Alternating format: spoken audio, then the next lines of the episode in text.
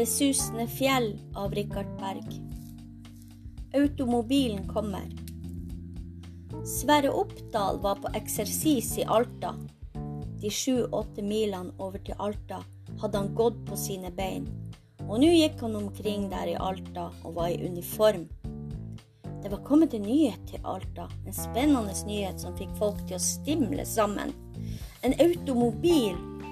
Ja, Sverre hadde vel hørt om det før, men nå fikk han sjøl se hvordan en virkelig automobil så ut.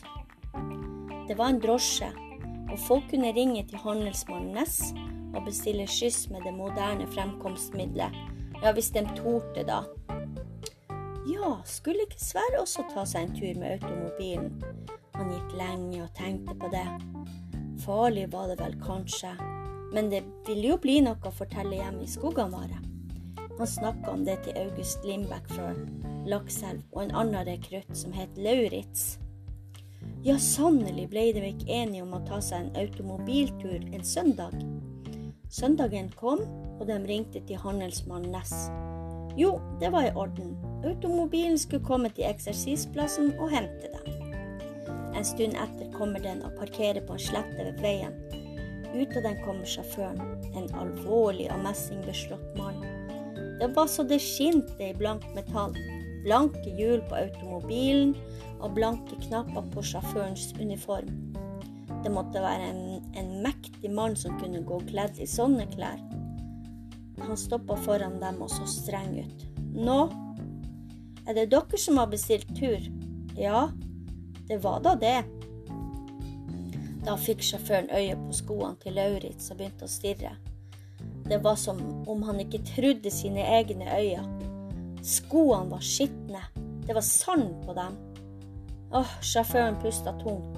Så åpna han munnen og sa nei, han der han kan ikke få være med. Forsto ikke Lauritz at det ville bli sand på gulvet i automobilen hvis han satte seg oppi med de skoene på? Og Lauritz fikk mye hån skjenn av den grunn, og måtte stå og se på mens Sverre og August høytidelig satte seg opp i den høye Forden. Men så fikk ikke sjåføren start på motoren og Sverre og August måtte ut og skyve automobilen i gang.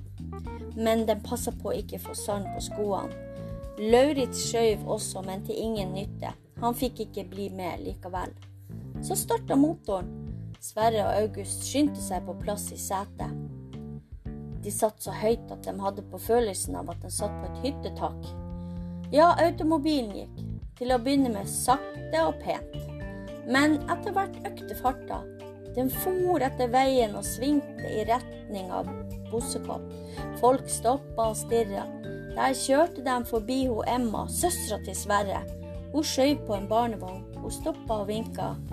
Hadde kjent igjen broren sin i baksetet. Så forsvant de rundt en sving. Farta ble bare større og større. August satt og plystra på automobilgaloppen. Men Sverre begynte å bli engstelig. Han tenkte som så. Nå har automobilen en forferdelig fart her på slakke veien. Men når vi kommer opp i Bosekoppbakkene, det med bratt og lang, og over Eide, og når vi skal ned bakkene på den andre sida, og der blir det en forferdelig skråning. Ja, hva for leven vil det ikke bli da, på automobilen ned de bakkene? Vil sjåføren klare å holde dem på veien i sånn fart som det da vil oppstå? Og hvis de møter krettur eller hester på veien Ja, Sverre hadde bange anelser der han satt og holdt seg fast, men August var karslig og plystra automobilgaloppen. De for opp bakkene, over Eide og begynte på nedover bakkene. Men det merkelige var at automobilen kjørte ikke fortere likevel. Heller saktere. Sverre kjente at han ble glad. Han skjønte at kjøredoningen måtte ha et eller annet som bremsa, de kjørte inn i Bosekopp. Automobilen gjorde en stor sving, og så for de oppover bakken mot Peder Tangens gård, og der stoppa de. Nå gjaldt det å få snudd automobilen, men nå ville den ikke starte igjen.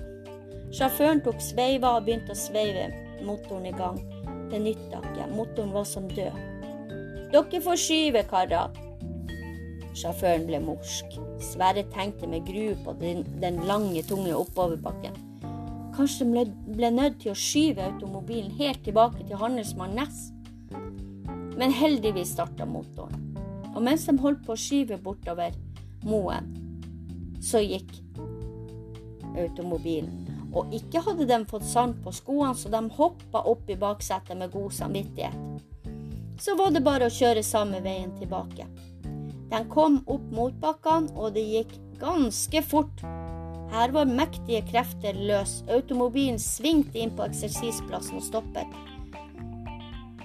De spurte hva det kosta. Ti kroner per mann. Sjåføren fikk sine penger, og da de hadde skjøvet den i gang, forsvant automobilen. Det spurte snart i Lakselv om det var kommet automobil til Alta. Og det varte ikke mange årene, så kom det automobil til Lakselv også. Det var en mann, Rokstad het han, som var flytta til Lakselv, og drosje hadde han. Han losjerte hos lærer Hemmestad på Smørstad